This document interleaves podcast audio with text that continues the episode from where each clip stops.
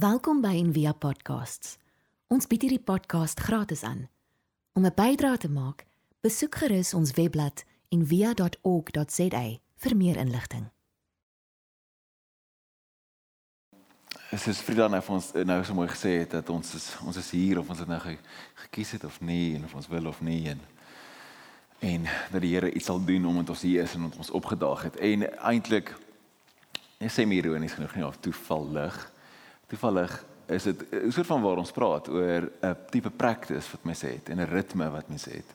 En terwyl ek nou so daar agter staan en hoor hoe almal sing en almal hier is en ehm um, dink dit aan hierdie hierdie weeklikse ritme wat ons doen, hierdie vreemde ding wat ons doen as mense wat agter Jesus aanloop of 'n geestelike lewe begeer of by die reis is, iets van om in om om op te daag en so saam te sit en te sing.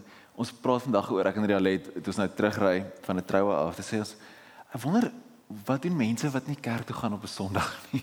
Want ons gaan al vir die laaste 20 jaar, ons basies elke Sondag in die kerk. En uh die die input en die inspirasie en om saam te sing enkele week. Ek wonder hoeveel mense wat na kerk toe gaan en sing saam met ander mense enkele week. Behalwe nou Vrydag aand, dan baie keer sing mense saam.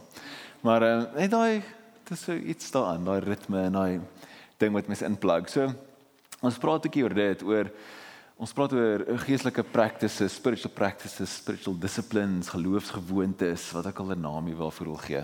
So elke week as jy saam met ons op hierdie reis van lente is, is elke week het ons so 'n text of 'n stuk gedig of 'n stuk prosa wat ons gebruik vir om mee te reflekteer die week. So ek wil net vir ons lees hierdie week se. Ehm um, say yours is a hard life, Father.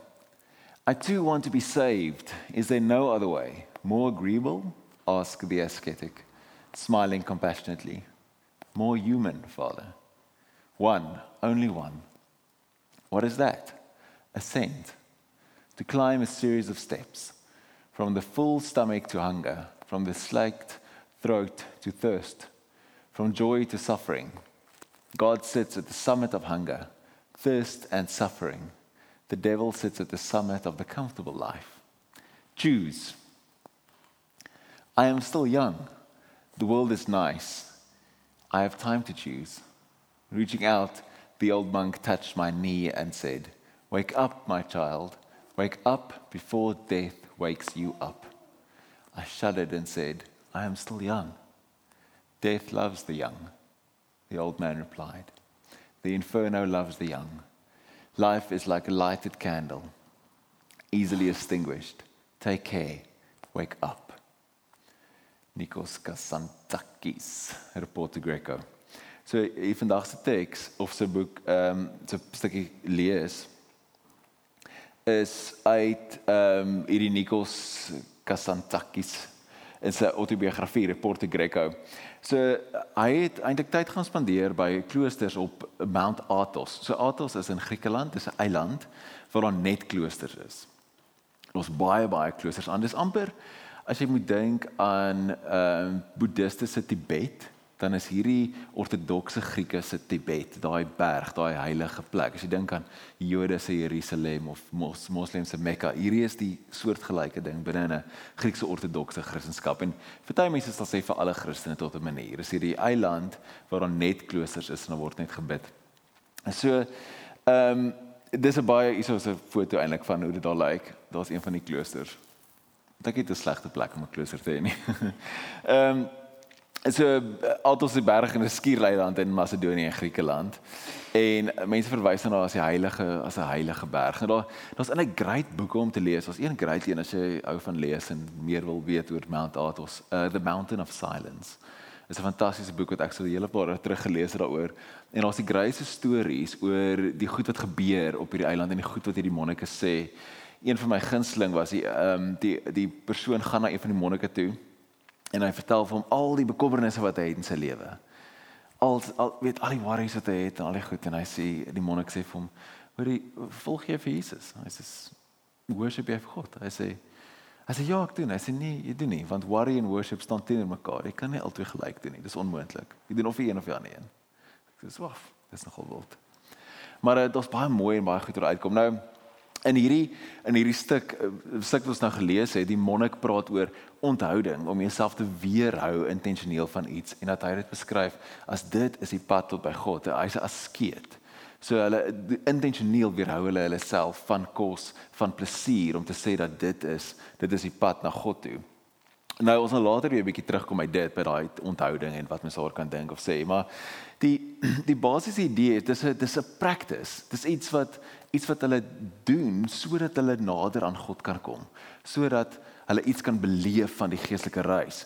Nou my ek meen my verstaan of my droom van wat kerk is en goed is 'n sal baie keer gesê is 'n community of practice, 'n gemeenskap wat saam oefen om te lewe, om mense te wees, om eintlik net om God te leer ken en hulle self oop te maak vir God, so 'n community of practice.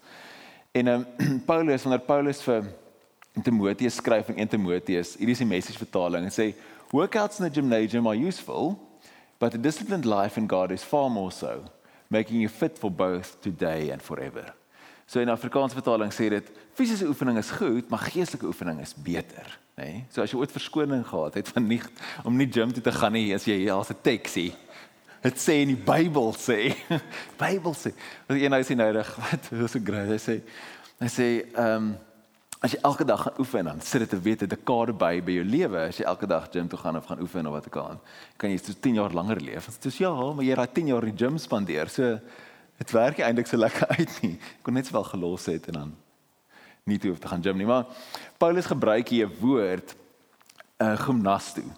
En gimnasto betekent waar die woord gymnasium vandaan kom, gimnasium. So jy sal sien dit in skole soos Paul Roos Gimnasium. So dit gaan nie dis 'n gym nie, dis 'n skool.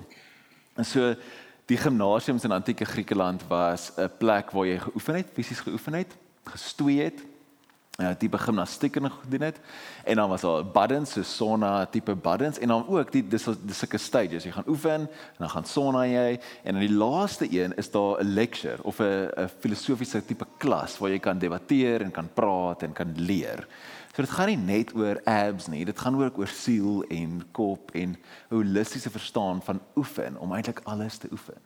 En die woord gimnasto beteken om kaal te oefen, soos training naked. So want dis ook hoe hulle obviously geoefen het en dan antieke Grieke het ook in die Olimpiese spele kaal deelgeneem en want party mense sê dit was net klein prakties want jy kan nie met 'n toga weet dit is moeilik en so doen jy spinning met 'n toga maar die die ander mense sê daar was een keer eintlik 'n maraton gewees en een famous atleet het gehardloop en hulle het met sulke lende lappies gehardloop en toe val sy lappie af.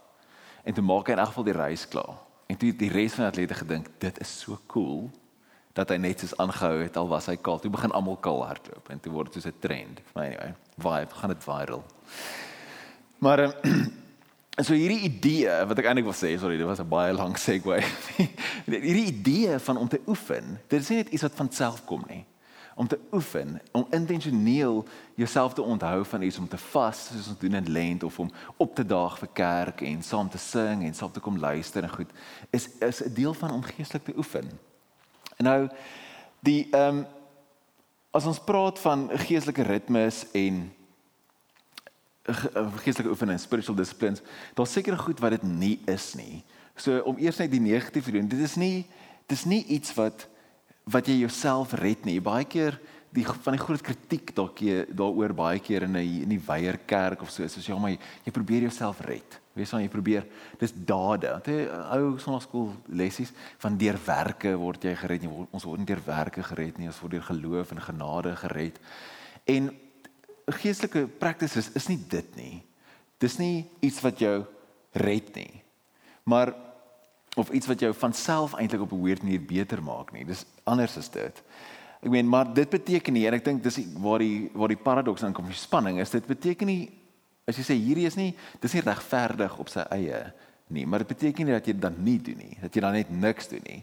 Ek meen passiwiteit is absoluut dodelik in ons wandel in 'n geestelike wandel. Om passief te wees gaan jou niks help nie, want dit kom nie van self nie. En so So wat dit is, wat 'n geestelike dissipline is, is dis iets wat ons plaas ons voor God. So dis iets wat 'n gap skep sodat God kan doen wat hy doen. Dis 'n manier wat mense en baie van die van die geestelike dissiplines, mense sal nie van hulle lees jy in die Bybel van, soos vas, wat ons nou net oor gelees het, maar baie van die ander lees jy nie van in die Bybel nie. Reg? Maar dis goed wat mense agtergekom het, die biljoene mense wat voor jou en my geloop het agter Jesus aan en die geestelike reis onderneem het, het agtergekom, hoorie, hier, wanneer ek hierdie doen, dan werk God in my lewe. Dan is daar iets wat gebeur en oopmaak in my. So kom ons doen dit al hoe meer. En kom ons leer vir ander mense om dit ook te doen. En nou ongelukkig wat gebeur het in geskiedenis, hulle het dan die dissipline heilig verklaar in plaas van die in plaas van God, in plaas van wat dit doen en dan hou jy die vorm maar jy verloor die inhoud eintlik. Ek sal ek volgende week bietjie meer daaroor praat, maar so ek het dit maak 'n kraak oop in ons in ons klipharte, hierdie beeld van 'n hart met klip rondom wat kraak en daar's iets onder en dis amper asof jy dis soos 'n hamer of iets wat jy gebruik om dit te kraak en oop te maak dat jy bietjie kan sien van wat binne afgaan. En in die week toe ek nou so 'n goeie metafoor soek om te praat oor geestelike dissipline, toe kom ek onthou ek my kry soos hierdie dingetjie nê. En toe iemand vra ek almal wat ek ken wat in 'n hospitaal werk en toe Beyra tot die was toe 'n champ en sy het ons ingekry. Dis 'n uh ek weet nie wat weet nie Afrikaans is nie, 'n retractor. So hierdie een kom uit die hospitaal, hy is al gebruik, nê? Nee? Hæ? Nie reg nie. Nee, is net 'n fake. Hier's nog seker staf hier op, so is dit. So wat dit is, ek het 'n prentjie ook daar, dan kan jy mooier sien. Dit is I like amper so. So wat dit is dit jy hou die jy hou die sny oop met dit sodat jy kan binne werk. Reg? Né? Nee? Dis eenvoudig soos dit. Ek gaan net so rondom stuur dan kan jy hom vashou. En dan voel ek voel dit. Stuur hom so aan terwyl ek terwyl ons praat. Ehm um, en toe ek het toe ek daaraan dink of ek ken dit obviously, dis ek sê dis wat dis presies wat 'n spiritual practice is. Dis dis 'n tool dit het geen dit het geen justification of regverdigheid of righteousness of enigiets in homself nie en daai ding self gaan nie jou gesond maak nie en dit gaan jou nie beter maak nie. Dit is net 'n 'n tool wat jy kan gebruik sodat jy kan uitkom by wat die probleem is sodat daai probleem kan reg word en heel word. Dit ehm um, baie keer praat ons oor die woord die Hebreëse woord enai wat beteken hier is ek. Want dit sê hier is ek voor God. Dis wat ek hier is ek met my hele wese hier is ek naak, hier is ek vir u. En wat 'n geestelike praktis doen, soos 'n retractor, is om dit oop te maak sodat jy voor God kan sit. En ek dink baie keer 'n 'n 'n geestelike dissipline is iets wat amper ons dag tot dag lewe short circuit. Want ons lewe ons lewe as ons nie versigtig is nie, dan lewe ons baie outomaties. Ons ons gaan net na die van een ding na die volgende ding van die volgende ding. Maar die oomblik, soos Frieda al gesê het aan die aan die begin van lent, as die oomblik as jy as jy vas of iets, dan jy jy disrupt eintlik jou eie lewe. En wanneer jy 'n geestelike praktis doen, soos om in stilte te sit, dan disrupt jy, jy doen dit teenoorgestel van wat die wêreld so sê. Soos in laasweek het ek gepraat van Ager kontra, die jy ninja die die die temptation, jy doen dit teenoorgestelde en dis presies wat dit doen. Die ehm um, John Wesley het gesê dis 'n means of grace, 'n 'n 'n geestelike dissipline 'n geloofsgewoonte is 'n means of grace, 'n genademiddel, praktiese maniere waarop God se genade in ons lewens vloei. En hy was hy was 'n Methodist, so die die founder van Methodism. En hulle was baie, ek meen, dis waar die woord vandaan kom, baie metodiek gehad oor dis hoe dit werk. So, hier is die stappe en baie van sy werk wat dit so nice maak as jy van die Methodist teologie geken, is dit so prakties. Dit is so super eenvoudig. So hy het gesê, as jy vra hoeveel spiritual disciplines is daar? Waar ons dan sê, "Ag, soveel as wat jy wil hê of wat ek al ons het so mooi grys postmoderne antwoord." Hy sal sê, "Nee, daar's 5." Daar's 5. Daar's gebed. Daar's om die skrifte deursoek, study en te lees. Nagmaal. Vas en na gemeenskap, fellowship om saam te kuier. Daar's net 5 volgens hom. Nou, so dit gaan oor 'n geestelike dissipline in essence, gaan oor dis wat ons kan doen. So Richard Foster en Dallas Willard, twee van die groot skrywers oor geestelike practices en geestelike formation en formasie en so praat baie spesifiek daaroor. Hulle sê dis dis wat ons dis iets wat ons kan doen. Want baie keer in die lewe voel dit vir my ons kort net soos jy kort net soos 'n handle. Want die lewe is so oorweldigend en die die confusion en die chaos is so verskriklik dat ook vir, in in ons geestelike lewe en ons beroepe en alle jy kort iemand net vir jou sê hoorie ek weet nie wat om doen is hoorie doen hierdie doen hierdie vas net. Of hoor jy gaan sit net elke dag vir 5 minute in stilte. Hoor jy, kom met kerk toe. Kom kom sit net kom kom met kerk, kom sit net en luister. Doen net dit. Dan op die in die oomblik as jy net iets het om te doen, dan raak die angs minder, minder. Net die blote gewone angs van die lewe raak minder. So Foster en Willard sê geloofsgewoonte is 'n intentionele aksie om te te doen wat ons kan doen sodat ons van God af die krag kan ontvang om dit te doen wat ons nie kan doen nie deur ons eie krag nie. En dis hulle noem die voorbeeld soos om ons vyande lief te hê byvoorbeeld. Dis net nie in ons nie. Dis in niemand van ons meer vyande lief te hê nie. Inteendeel, presies die teenoorgestelde is in ons. As iemand jou vyand is, is hy jou vyand vir 'n rede.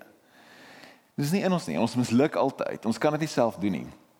So dit beteken nie omdat ons dit nie kan doen nie, beteken dit nie dat ons dan niks doen nie. En dis waar practice inkom. Sê ek kan nie hierdie ding doen nie. My geestelike reis vra vir my om my vyande lief te hê, maar ek kan dit nie doen nie. Maar weet jy wat kan ek doen? Ek kan in stilte sit. En ek kan ek kan vas. Ek kan iets van myself ontneem en ek kan op daai daai plek begin om dan te groei. En nou vriendin van ons Esme, sy sê die die lewe vat vat skill and intention. Nee, dit gebeur nie net van self nie. As jy dink die lewe gaan net van self gebeur, gebeur nie van self nie. Jy moet skill leer en jy moet met intensie in 'n ding ingaan, met bedoeling, met mening om deur die lewe goed te kan gaan. En dis waar ons geloofsgewoontes opneem om dit te kan oefen, om te sê, maar practices wat ons wel kan doen En al die verskillende praktises, dit is soos aksies van die die liggaam, deur om te vas in jou kop, deur studie en gees wat in ons mag is om te kan doen. En dit is nie altyd perfek nie, maar ons kan dit doen.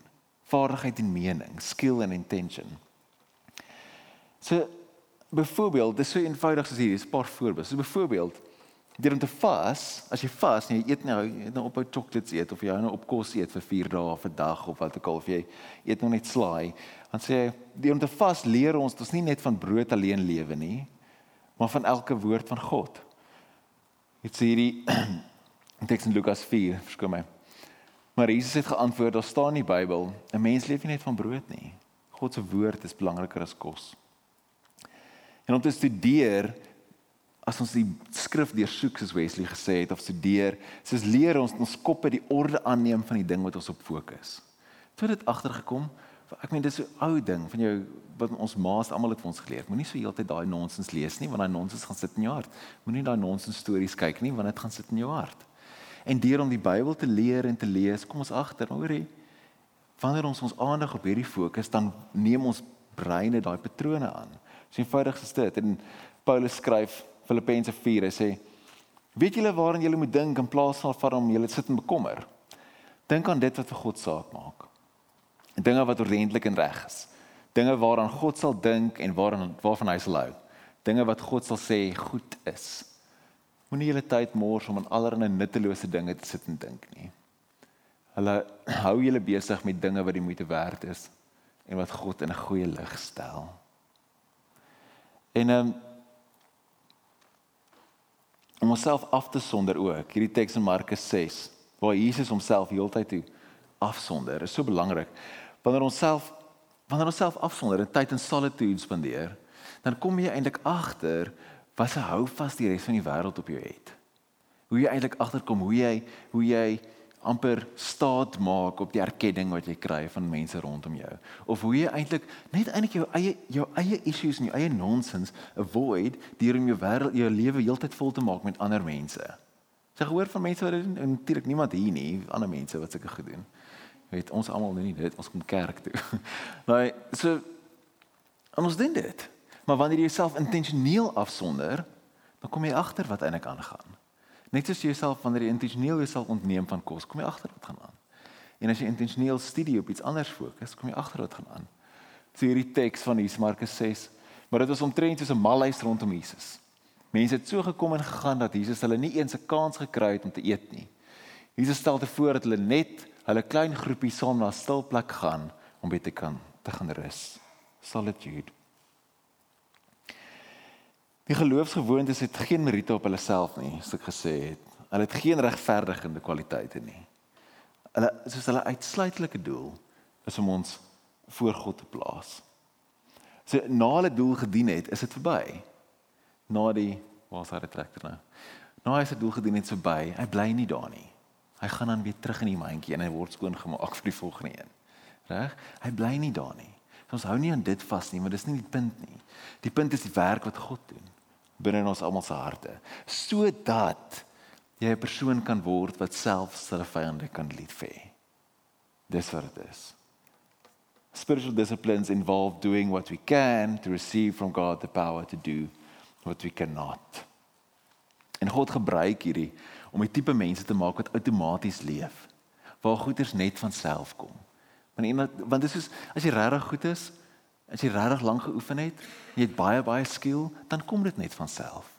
Dan onthou jy lyf hoe om dit te doen. Hoe om te hardloop, hoe om fiets te ry, hoe om wat ook al te doen. Maar dit vat lank voordat jy eers daar uitkom. En die geestelike lewe is niks anders nie. Dis ook dit. As jy wil uitkom by 'n plek waar jy nie so worry nie, waar jy eintlik lief is vir mense, waar jy lief is vir selfs vyande, dan jy nodig om dit te oefen sodat daai muscle memory en al goed kan opbou en jy sodat jy dit kan doen. Dis vir ons is. Die vermoë om te doen wat nodig is wanneer dit nodig is, is ware vryheid. Ek laat weer die quote, dit is vir so mooi. Hy sê uh freedom comes not from the absence of restraint, but from the presence of discipline. So dis net die gedissiplineerde musikant wat kan Paganini speel. Dis net die gedissiplineerde gimnas wat geoefen het wat 'n goeie skoor kan kry. En so is dit met alles in die lewe. En vir een of ander rede dink ons dit gaan nie so wees in ons geestelike lewe nie. Vir een of ander rede wil ons net hê dit moet net so kan van self kom. Maar dit is veral waar in ons geestelike reis. Dus ons moet dit oefen, jy moet dit inoefen. En dis is jy oefen dit sodat Frieda het ook al baie gesê sodat wanneer jy op die spot is sodat wanneer jy in daai krisis oomblik is dat jy kan respond dat jy kan laat gaan dat jy nie reageer in woede nie dat jy nie reageer met angs nie.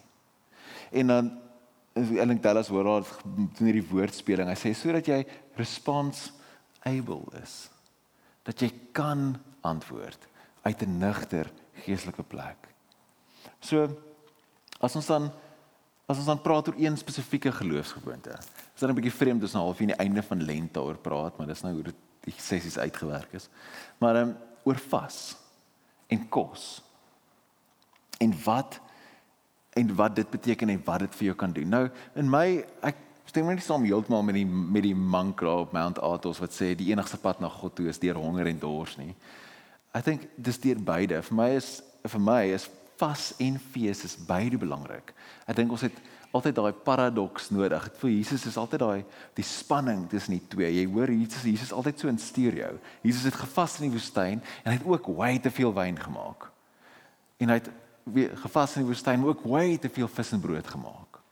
En hy was alleen maar ook by skare is. Is altyd hierdie paradoks. So vir my is beide is belangrik.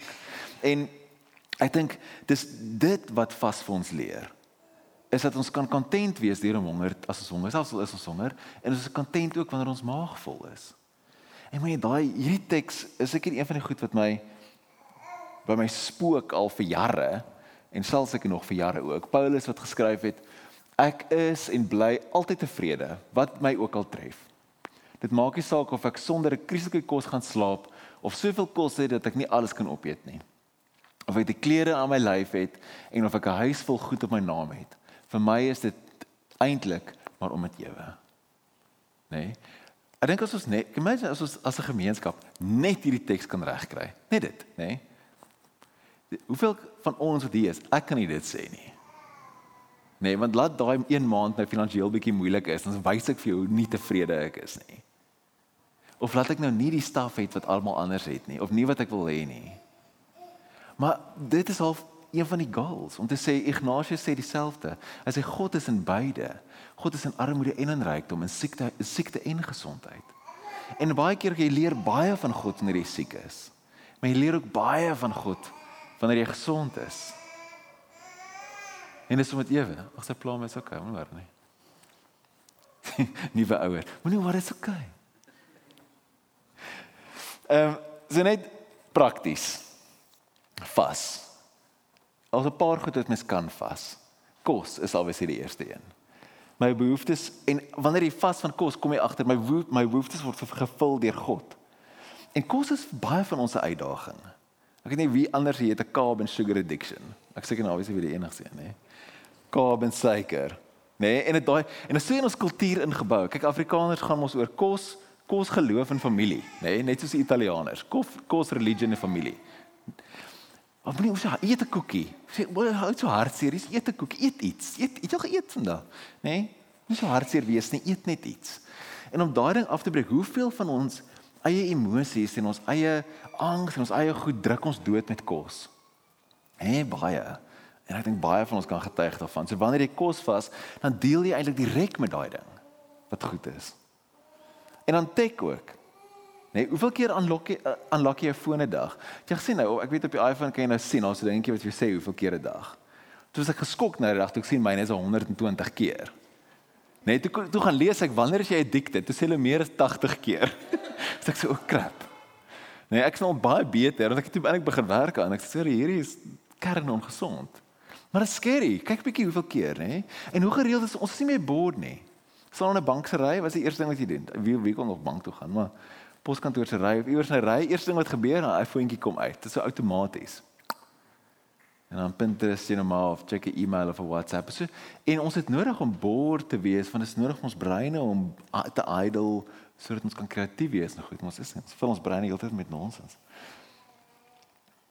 Tech, stuff. Ek lees nou reg so op 'n skaal van Marie Kondo tot by Fire Festival. Hoe, hoe bymekaar is jou lewe? Nee.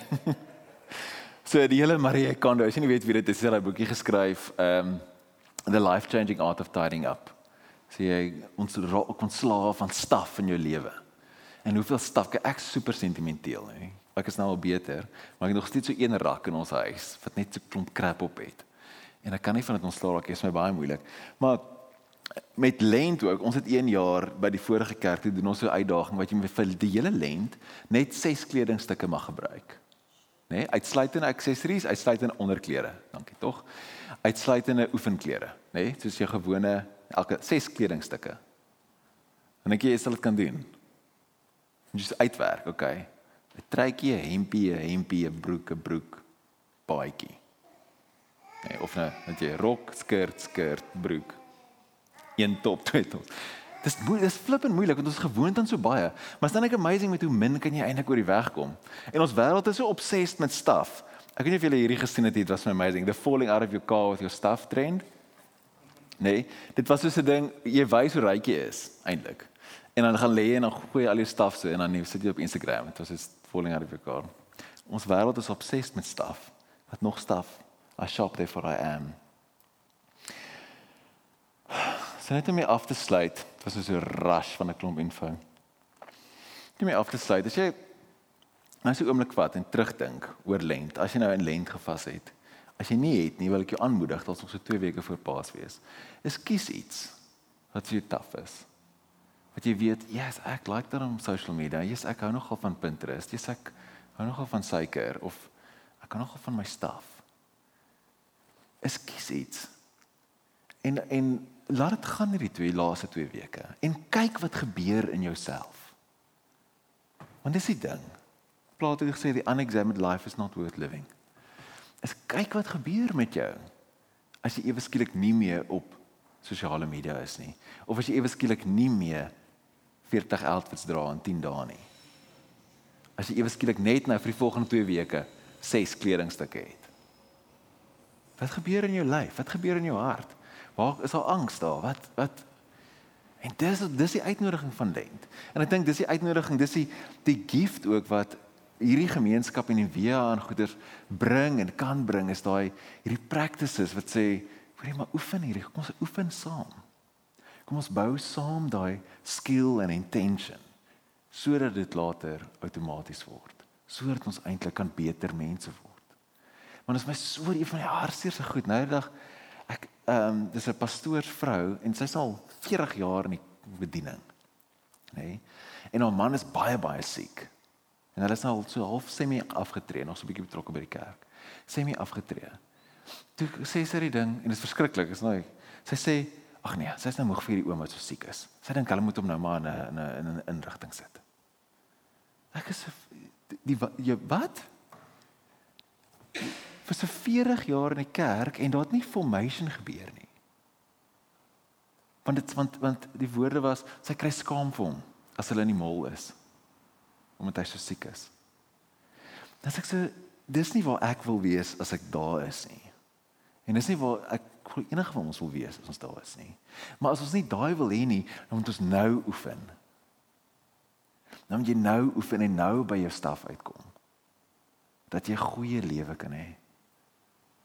En ook 'n goeie dood kan sterf aan die einde soos die man gesê het.